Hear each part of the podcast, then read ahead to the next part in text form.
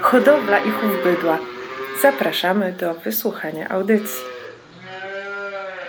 Dzisiaj nasza redakcja jest gościem w Krajowej Izbie Lekarsko-Weterynaryjnej i rozmawiamy z panem prezesem Jackiem Łukaszewiczem na temat stosowania antybiotyków. Wiemy, że ta kwestia jest dość drażliwa i budzi wiele obaw, dlatego poprosiliśmy pana prezesa o dokładne wyjaśnienie tych kwestii. Jacek Łukaszewicz, prezes Krajowej Rady Lekarsko-Weterynaryjnej.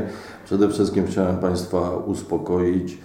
Y, Rezolucja ograniczająca bardzo y, spektrum antybiotyków dozwolonych w medycynie weterynaryjnej została przez Parlament Europejski odrzucona. W związku z czym w życie wejdzie akt delegowany zakładający wąską grupę antybiotyków do użytku tylko i wyłącznie w medycynie ludzkiej w celu ratowania życia, natomiast nie będzie to miało żadnego znaczenia na terapię zwierząt.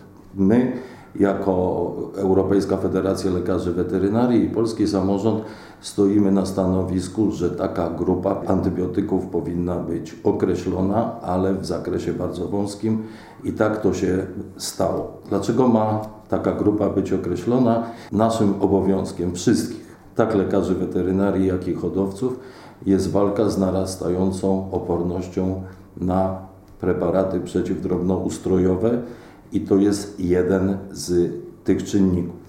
Natomiast co jest niezwykle istotne i do czego zachęcałbym wszystkich hodowców, to jest stosowanie szeroko pojętej profilaktyki. Począwszy od higieny doju, poprzez szczepienia zwierząt, witaminizację, y, mikro, makroelementy, y, higiena wszystkich pomieszczeń, w którym bywają, są zwierzęta, spowoduje Państwa oszczędności na antybiotyki.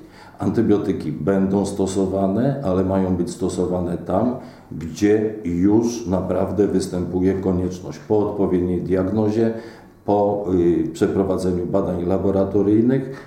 Tam lekarz będzie w sposób rozważny stosował antybiotyki. Wobec powyższego nie ma żadnego zagrożenia dla y, zdrowia państwa stad.